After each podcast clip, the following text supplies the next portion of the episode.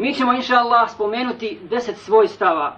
Deset svojstava o kojima govori Kur'an i sunnet, po kojima se prepoznaju Allahovi prijatelji, po kojima se prepoznaju eulije, oni koji su Allahu bliski i koji su Allahovi štićenici.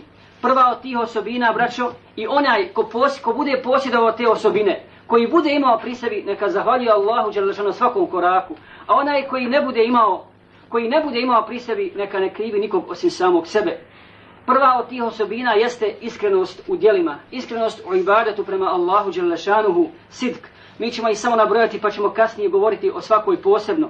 Druga je zadovoljstvo sa poslanikom sallallahu alejhi ve sellem kao imamom, kao uzorom, kao učiteljem, kao učiteljem i nezadovoljstvo sa bilo kim drugim, bilo kakvim drugim ideologom i učiteljem i vođom osim sa Rasulom sallallahu alaihi ve sellem i slijedjenje njegovog sunneta i jedino njegovog govora posle Allahovog govora, ničijeg više.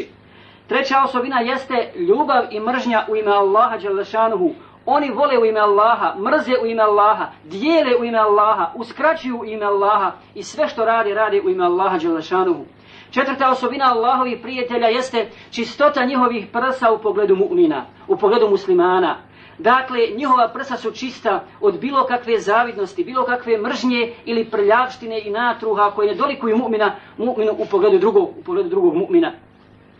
Peta stvar je oni su od onih koji čuvaju, čuvaju fardove i povećavaju ibadet na filama. Žele da se približe Allahu Đelešanuhu pored fardova na filama, zikrom, učenjem Kur'ana i ostalim ibadetima.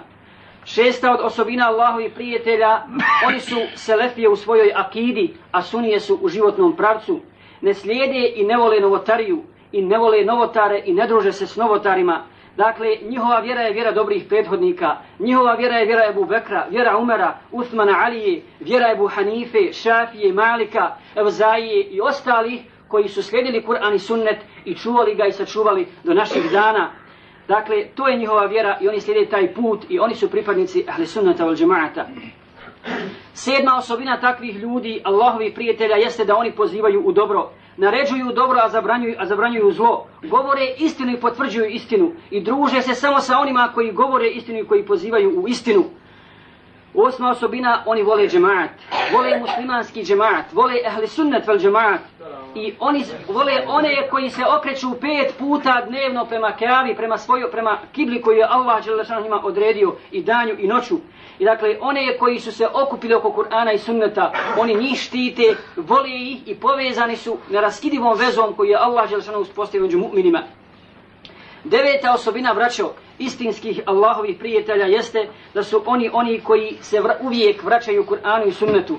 Kod bilo kakvog spora, kod bilo kakve nesuglasice, kod bilo kakve zamršene mesele koju oni žele riješiti u korist svog dunjaluka i svog ahireta vraćaju se Kur'anu i sunnetu. Neće se pozvati na svoj razum, neće se pozvati na, na tuđu misl, na tuđu ideju, jer kako vele prvaci, prvaci ovoga ummeta, sve četvorica priznati imama mezheba, svako mišljenje je mišljenje. Da li je to bilo mišljenje Ahmeda ibn Hanbala ili Hanife ili Evzaije ili Šafije, to je mišljenje. Ali istina je u Kur'anu i sunnetu i oni se vraćaju tome. I deseta osobina jeste, oni govore istinu poput Selefa, rade po njoj i pozivaju istini, a posle toga, posle toga uređuju svoj životni program na osnovu Kur'ana i sunneta po jedinoj istini koji je Allah objavio, objavio svjetovima.